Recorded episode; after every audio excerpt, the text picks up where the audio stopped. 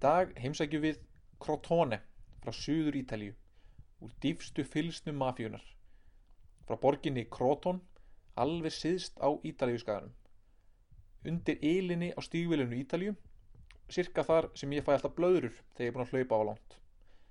Ég heiti Björn Már Ólásson og þú ert að hlusta á podcastið Ítalski boltinn.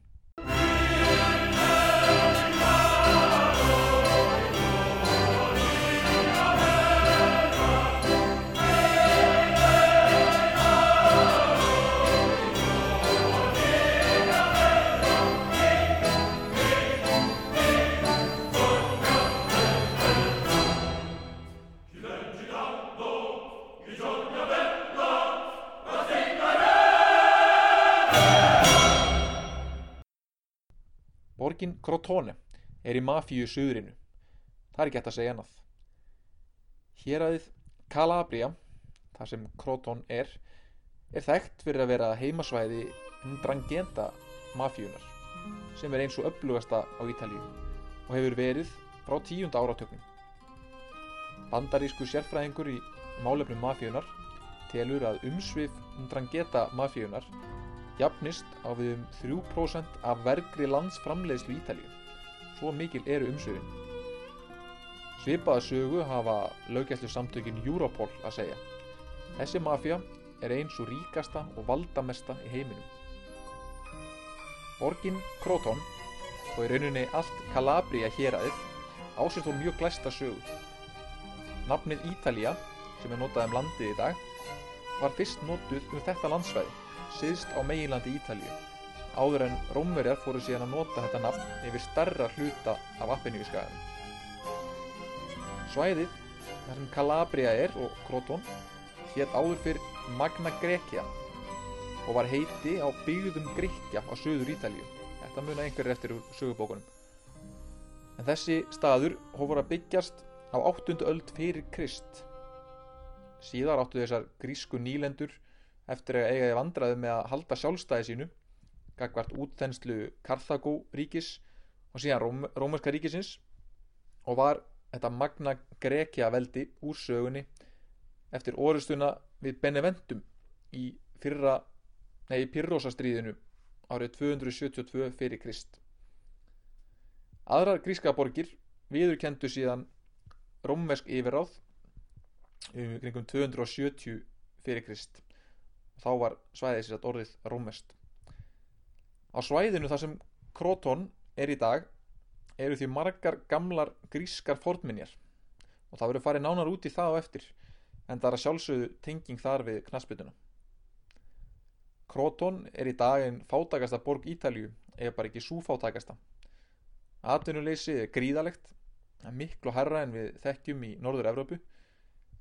Það verður stóra versmiður sem að heldur borginni á lífi á síðustu öld en á síðustu 20 árum hefur þeim verið lokað og atvinnuleysu aukist og félagslega vandamál, vandamálum hefur bara fjölgað.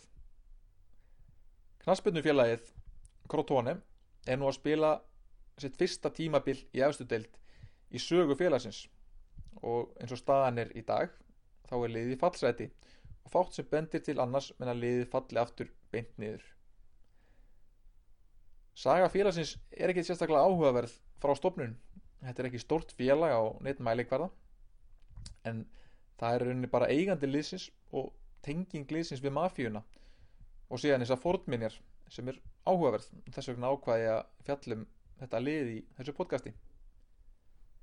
Lið frá Suður Ítalju hafa allt frá upphafi ekki riði feitum hesti í serju A.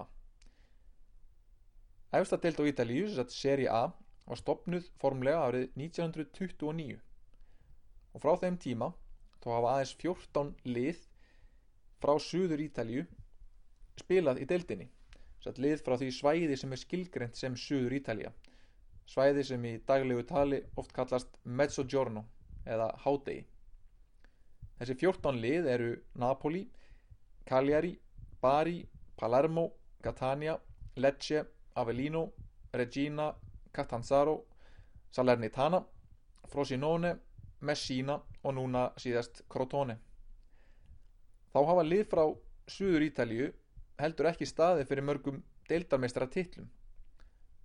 það er aðeins þrýr titlar sem að lið frá Suður Ítalju hafa unnið frá upphafi Cagliari á 8. áratögnum með framherjan frábæra Gigi Riva síðan var það Napoli á 9. áratögnum sem vann titilinn tvísvar með Diego Armando Maradona innan bors á mið Ítalju eru liðin Roma og Lazio og Fiorentina uh, og saman eru þau með handfylliða titlum en fyrir utan þessi, þessa titla þá hafa nær allir deildamestara titlar á Ítalíu í sögunni farið til félaga á norður Ítalíu uh, og flestu þetta til Juventus, AC Milan og Inter Milan en við skulum nú fara aftur að félaginu Crotone. Lið spilar heima leiki sína á vellinum sem nefnist Stadio Ezio Shida. Völlurinn er nefndur í höfuðuð á frægasta leikmanni liðsins frá upphafi Esmit Ezio Shida. Shida var samt ekkert sérstaklega frægur utanborgarinnar. Hann leik með félaginu á stríðsárunum til ásins 1946 þegar hann lést á sorglegan hátt í bílslisi aðeins 30 aldri. Shida var að aga Fiat 626 byrjurinn sinni á leið í útileik á móti Castro Villari þegar hann missi stjórn á bifriðinni og lést samstundis. Þáverandi fósetti, borgarstjóri Crotone og líka fósetti Lysins sátti þess að vötturinn er nefndur í höfuð á þessum stóra síni borgarinnar á þessum tíma. Það er satt mjög margt aðteglisvert við hennar völl. Í fyrsta lagi er hann að sjálfsögðu byggður á vernduðu fornminjasvæði. Eins og ég sagði aðan er Crotone fullt af fornminjum frá grískum byggðum á Ítalju og í ljós hefur komið að völlurinn eru þetta á svæði sem ætti undir öllum eðlulegum kringumstæðum að láta venda og láta forðlega fræðinga kanna betur. En stjórnmálamenn í suðrinu sáu til þess að það er ekki gert. Þegar félagið komst upp í efstu deild í fyrra í fyrsta skiptið í sögunni þurfti síðan að stækka stúkuna. Þá var búið að friða ákveði svæði umhverfisvöllin og fleiri og fleiri vissu það að völlurinn stóð á mjög aðteglisverðu sögufrægu svæði. Og maður myndi halda að það væri nú ekki hægt að byggja neitt við hennar völl. En annað kom á daginn borgarstjórin og byggingafulltrúin veittu leifi fyrir byggingu nýra stúku á suður enda vallanis skilirinn voru þau að stúkan erði sett upp þannig að það verði hægt að fjalla hennar síðan eftir á. Það er ekki grafið djúft eða steift mikið heldur væri hægt að fjalla þetta síðan. Þetta væri rauninu bara tímabundið. Allir sem þekkja til slíkra tímabundina framkvæmda vita það að þessi stúka verður nú sennilega aldrei fjallæð og ef það eru einhverjar fornminjar þarna undir þá verða þær aldrei grefnar upp. Þetta vandamál loðir svolítið við Ítalju og er einmitt mjög nýlegt svipamál uppi á, á öðrum stað á Ítalju höfuborgarfélagið Róma er einmitt að reyna að fá leifi frá borginni til að byggja eigin völl svo þetta Róma Stadium. Róm er auðvitað ekki á Suður Ítalju en stjórnmólin hérna í höfuborginni eru sennilega ennþá flóknari. Róma ætlaði nefnilega að byggja völl á stað sem nefnist Torti Valle sem er gamall völlur fyrir hestaíþróttir þar sem keft var í kappriðum það er stúka í niðuníslu og engin starfsemi í gangi en húsavendur hann nefnd í Rómaborg fór síðan að stað og vildi friða stúkuna þar sem hún hefði eitthvað hönnunarlegt sögulegt verðmæti. Það getur svo sem alveg verið gott og gilt en stuðningsmenn Róma voru ekki lengi að komast að því að formaður húsafriðunanemdarinnar var auðvitað mjög tengd stjórnamanni í Lazio, erki fjendum Róma.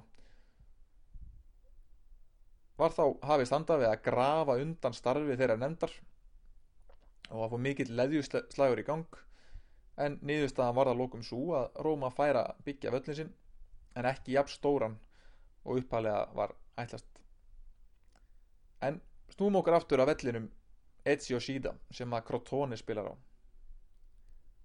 Þessi völlur þessi stúka er hundgömmul og byggð árið 1935 uppálega í dag eftir þessa nýjustu stækkun tekur völlurinn 16.500 manns í sæti. Margir stuðnismenn Crotone voru þó mjög óanæðir með þessa stækkun á vellinum sem var gerði fyrra. En þeir vildu þetta að peningarnir myndu freka fara í leikmannakaup. Það eru jú leikmennir sem sjáttu þess að halda liðinu upp í serju A. Og þá gagnaðist það heldur ekki liðinu að þurfa að spila fyrstu heimaleiki tímabilsins á öðrum velli þar sem að Ezio Shida völlurinn var ekki tilbúin þessi völlur er líka staðsettur við hliðina á spítalanum í Crotone.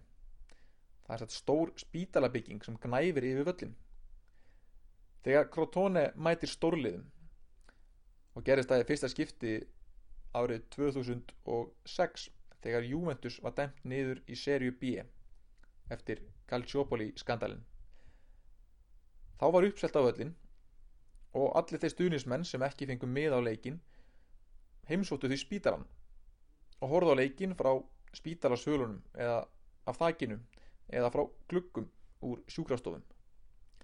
Það hefur líka verið grínast með það að þegar stórliði mætir til Grotone þá láti bara stjórnismennin leggja sig inn til að fá bestu sætin með útsýni yfir völlin Juventus spilaði mitt við Crotone um daginn í Croton og eins og fyrir rúmlega tíu árum síðan var uppselt og í sjónvarsútsendingunni gæt maður séð marga stuðnismenn standa ofan á spítalafækinu á meðan Gonzalo Higuín skoraði og skaut Crotone referi rass innanvallar. Stuðnismenn Crotone eru mitt mjög öflugir og styðja vel við liðið bæði á heimavelli og útivelli stuðnismanna hópurinn er líka með eitt skemmtilegasta nafnið í bransanum. En þeir nefnast Pitagorici Þetta nafn er einmitt í höfuðið á starffræðingnum Píþagorasi. Og hvers vegna skildi það vera? Ólíkt því sem að einhverju myndu að halda þá eru leikmenn Crotone ekkit sérstaklega góðir í þrýðningsspili. Hvorki hotnréttu en ég gleiðhindu. Nei, staðrættin er svo að starffræðingurinn Píþagoras bjó í Croton á sínu tíma. Hann er sennilega stærsti sónur borgarinnar. Píþagoras bjó í Kroton á þeim tíma þegar Gríkir byggðu svæðið. Sett á tíma Magna Grecia eins og við talaðum á hann hann er þekktastur sem starfræðingur og Píþagorasa-regluna en hann var líka náttúru heimsbyggingur og er á sumum talin svo fyrsti sem að kallaði sig heimsbygging hugmyndir hans sögðu áhrif á Platón og í gegnum hann ár, hafa þær haft áhrif á alla vestrana heimsbyggi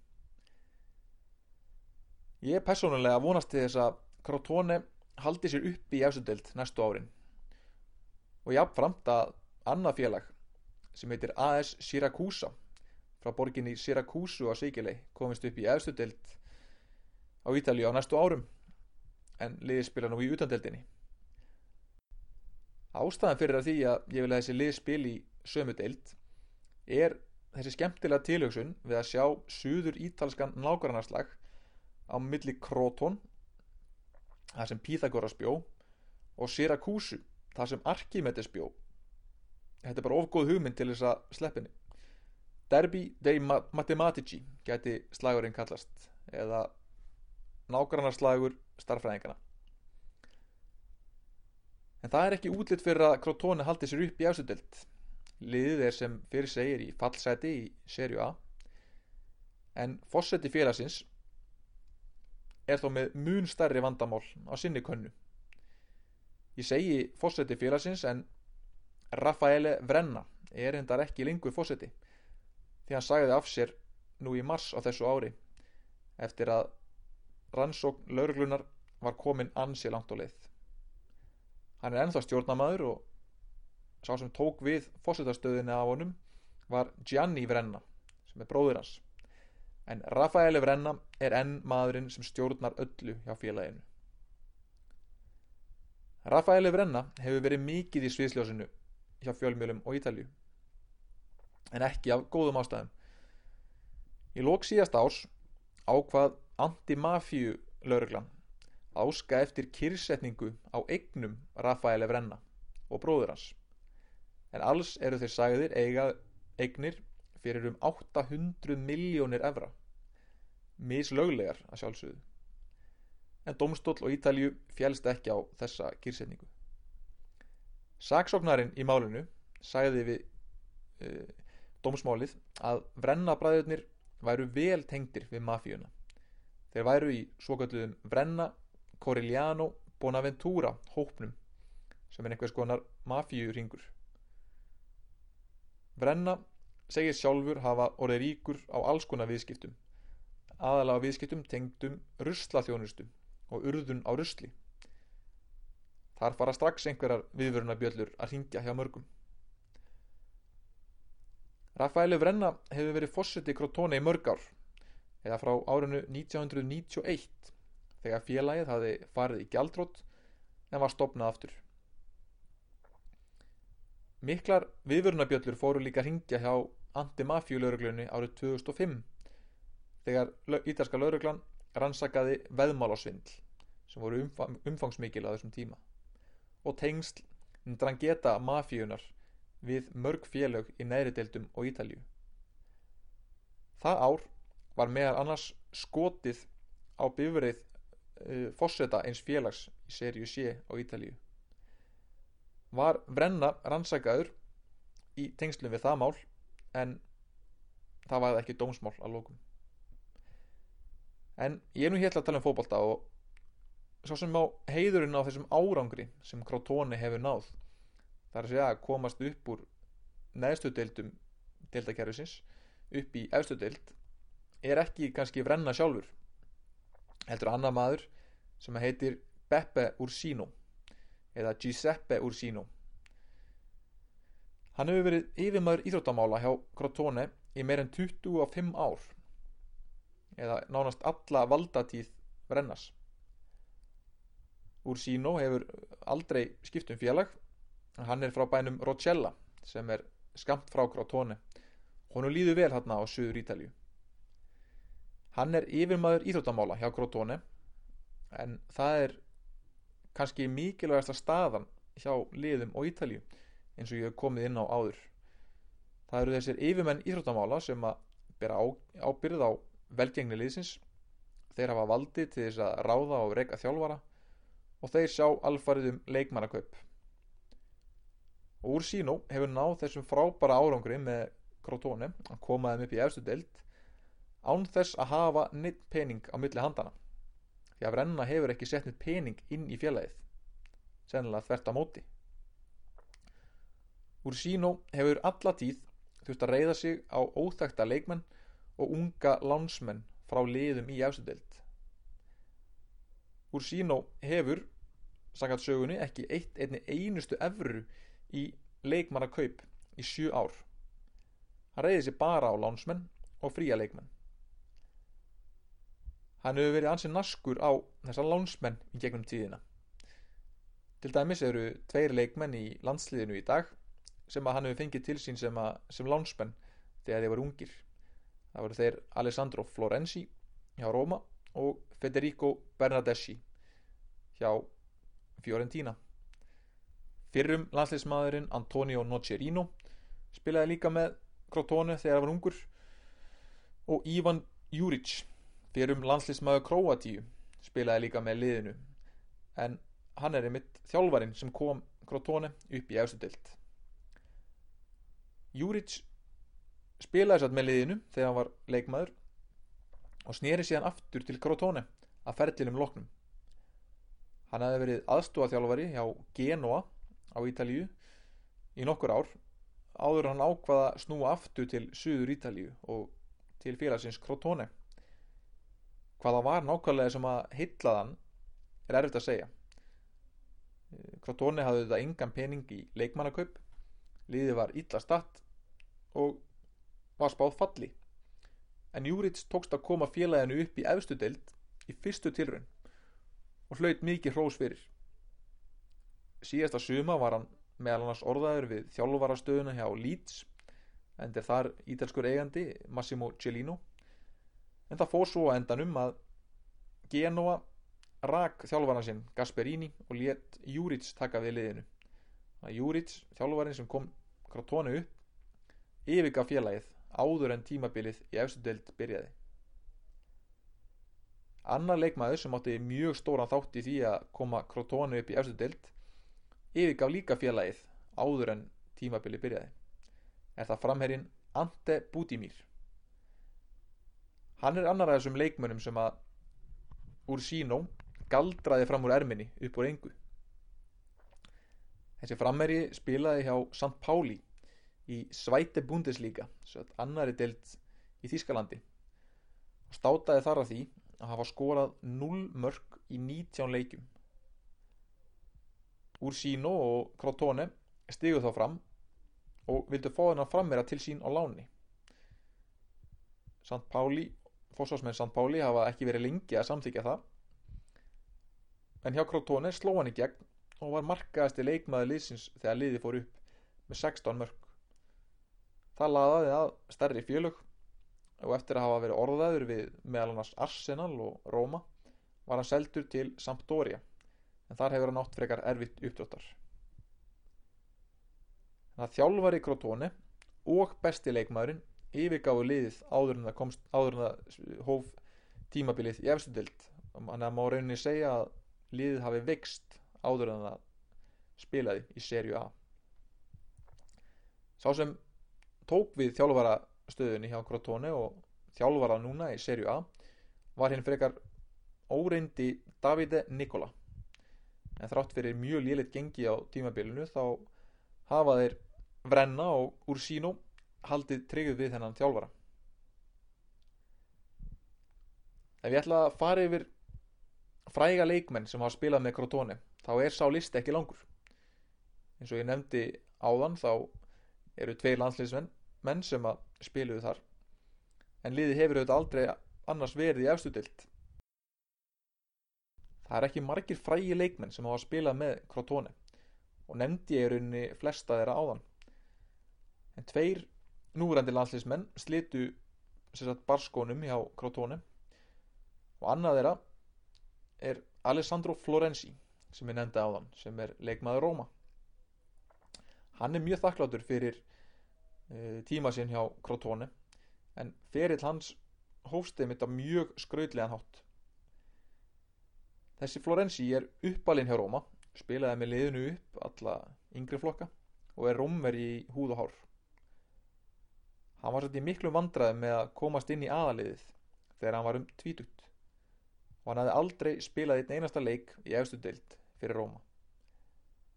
Hann var lánaði til Crotone sem spilaði þá í serju B árið 2011 þar sem hann leik afar vel og var góðsinn besti ungi leikmaður serju B. Hann snýri þá aftur eftir þessa lánstvöl til Róma en spilaði lítið í æfingaleikinum um sumarið og fósfarsmenn Róma höfðu litla trú á honum. Og það var engin stuðnismæður sem hafði neina væntinga til þess að þessi ungi Florenzi yrði eitthvað annað en seldur sama sumar. En það var einn maður sem hafði trú á Florenzi. Og það var þjálfari liðsins á þessum tíma Stenek Seman. Þessi Seman er umdeldur ég hef nefnt hann áður í þessum þáttum. Hann er mjög sérstakur karakter sem var síðan rekin frá félaginu skömmu síðar. En hann er með frábært auga fyrir ungum og efnilegum leikmönnum. Eftir að hafa stjórna liðinu í bara nokkra vikur og hafa þjálfað Florenzi í umtabil tvær vikur sagði Seman við Florenzi stjórnin vil lána þig út og þjálfara teimi líka. En mér líst vel á þig. Ég vil hafa þig áfram og ég lofa því að ef þú verður hérna áfram hjá Róma þá verður þú komin í landsliðið áður en tímabilið er búið. Þarna var sem sagt þjálfari Róma að lofa ungum leikmanni sem hafði aldrei spilað í efstu dild landsliðsæti á aðeins einu ári. Florenzi ákvaða að segja já og var í byrjunarliðinu fyrstu fjóra leikina á tímabilinu. Og viti menn í fyrsta landslíka hliðinu strax í september var hann valinn í landsliðið og hefur verið mikilvægur leikmaður hjá Róma frá þeim tíma meðal annars skoraði hann síðan mark frá eigin vallarhelmingi á móti Barcelona í meistaradeldinni og var hann tilnendur til Puskas-veluna fyrir það mark. En hann glými nú við önnur crossbandsliti sín á skömmum tíma en á glæsilega framtíð fyrir sér. Annar ungu leikmaður sem að á Crotone mikið að þakka er Federico Bernardeschi. Federico Bernardeschi er kannski sá leikmaður sem hefur slegið mest í gegn í serju A á tímabilinu. Hjá frekar slöku liði Fiorentina sem hefur ekki staðið undir væntingum í ár hefur hann verið einn af fáum björtum punktum. Hann er mjög snöggur með stórkostlega tækni, frábær skot og aukarspinnur. Hann er í rauninni frekar óítalsku leikmaður að því leiti að hann virðist geta óðið frábær kantmaður. Ítalija hefur ekki mikla hefð fyrir því að fóstra góða kantmenn í nútíma fókbalta.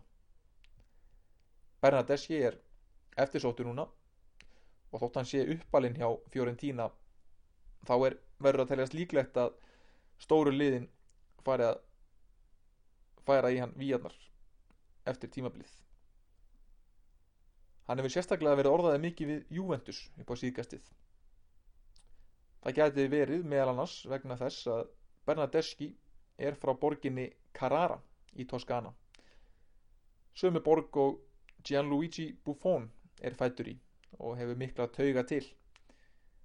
Hvort þessi lítta tenging sé nót til þess að hægt sé að sannfara Bernadeschi til að ganga til liðs við Juventus er óvist en svona geta fjölumir að stundum spekulerað yfir sig. Besti leikmaður Crotone í dag er í raun frekar óspennandi. Kanski einn af þeim fáu sem hafa sínt að hann heldur serju A-klassa. Það er framherrin Diego Falkinelli sem er á láni hjá Crotone frá Sassuolo. Falkinelli hefur farið að skora þó nokkuð að mörgum núna síðustu mánuðina og meðal annars ógleimanlega tvennu á móti Inder á heimavelli núna fyrir mánuði síðan í leik sem Crotone vann 2-1 þegar Crotone verður nú sennilega fallið eftir tímabilið þá verður sá leikur sennilega sá leikur sem að stunismenninir munu muna eftir að eilífu. Ég hef haft það fyrir venju að enda þættina á klassiskum nótum en ég ætla að breytta upp á smá breytingu þar í dag það vegna þess að ég fann ekkert sérstaklega áhuga að vera tónlist frá Crotone eða Calabria svæðinu. Eða alveg þar til ég gróf upp gamlan geysladisk sem ég eignaðist á Ítalíu fyrir mörgum árum síðan. Ég var sér stattur á Ítalíu árið 2006 skömmu eftir að Ítalíu vann HM þá voru allir í landinu í feiki stuði og í sönnum suður evrópskum stíl voru allir að reyna að græða á þessu sigri þannig að ég eignaðist einhvern veginn geisladisk sem einhver var að selja út á götu. Og diskurinn hétt einfallega Campioni del Mondo eða heimsmeistarar. Framan á disknum er stór mynd af Fabio Cannavaro lifta heimsmeistara byggarnum og diskurinn sjálfur er jafn lélugur og nafni gefið til kynna. Þessi velvöldu lög sem eru á þessum disk tengjast fótbolta jafnvel ekki neitt og það sem meira er flest laugin er í einhverju teknoútgáfu sem gerði því alveg óþekkjanleg. Meira þess að ítalski þjóðsöngurinn er remixaður af manni sem að kalla sig DJ Provenzano. Eða kallaði sig DJ Provenzano ég veit ekki hvort hann sé annars störrum þessi ágæti DJ en allavega á þessum disk eru þetta stórkostleg útgáfa af suður ítölsku þjóðlægi þjóðlæginu Tarantella sem að margir kannast kannski við.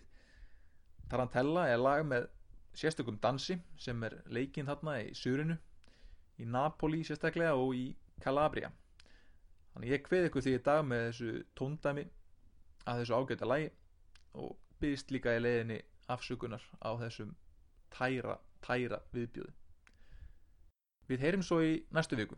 Ég ætla ekki að gefa upp alveg strax hvaða lið verður fjallaðið þá en ég lofa því að það verður bombu þáttur ég er að fara að færa mig yfir í stórliðin. En þar til í næstu viku DJ Provenzano. Hlustum á það